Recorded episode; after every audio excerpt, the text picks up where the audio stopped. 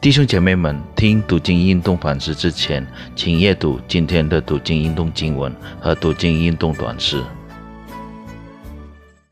各位主所爱的弟兄姐妹，平安。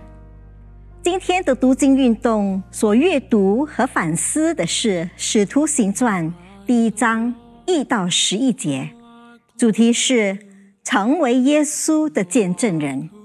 在还没有开始之前，我们先一起祷告。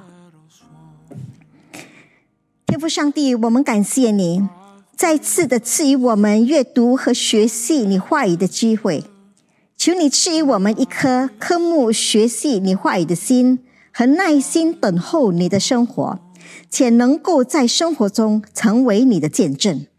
奉耶稣基督的名祷告，阿门。各位弟兄姐妹，通过《使徒行传》，我们认识到教会的本质，以及如何接着福音来改变世界。圣灵在五旬节临在临在圣徒的身上。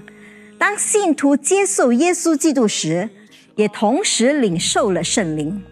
由圣灵带领信徒拓展神国的过程，也是主耶稣接着圣灵，透过他的身体，也就是教会，继续他一切所行所教训的。圣灵是我们新生命的动力，它改变我们的一生，使我们的生命变得更像基督。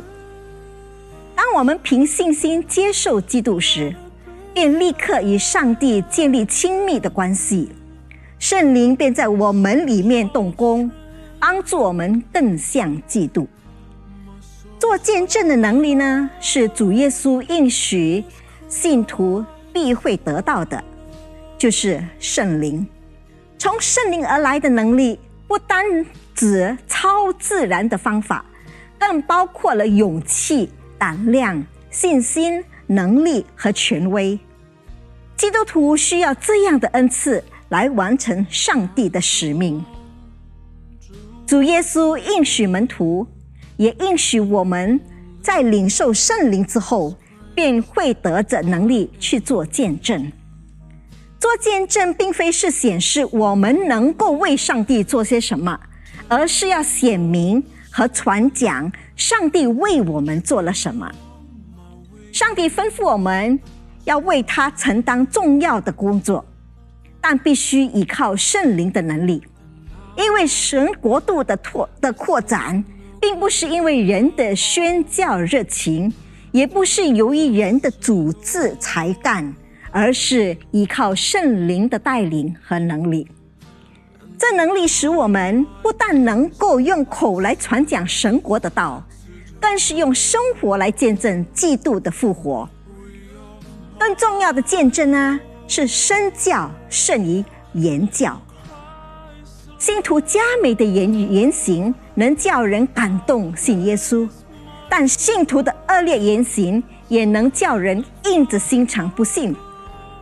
我们若有天使的话语，但行事为人却没有与蒙召的恩相称，我们就成了明的罗想的伯一样，非但不能将福音带给别人，更可能令人感到见证的话语只不过是空口说白话罢了，就像明的罗想的伯一样嘈杂，惹人憎厌。我们做见证的目的呢，就是要劝别人成为基督徒。为了要叫他们的眼睛能够打开，从黑暗中归向光明，从撒旦权向归向上帝，又因信耶稣基督，最能够得着赦免，和一切成圣的人同得基业。每一个信徒都有自己蒙恩得救和生命得着改变的经历。简单诚恳告告诉别人自己的生命怎么样转变了。告诉别人自己的信仰是什么，将福音信息介绍给别人，劝别人接受这个好消息，想必是大部分的基督徒都能够做到的事情。感谢主，我们一起祷告。天父上帝，我们感谢你，一直不断地将你的话语放在我们心里，求圣灵在我们心中动工。好让我们的言行举止与我们的与我们蒙召的恩相称，并有能力做见证，叫我们周围的人看见我们的好行为，便将荣耀归于我们在天上的父。感谢主，奉耶稣基督的名祷告，阿门。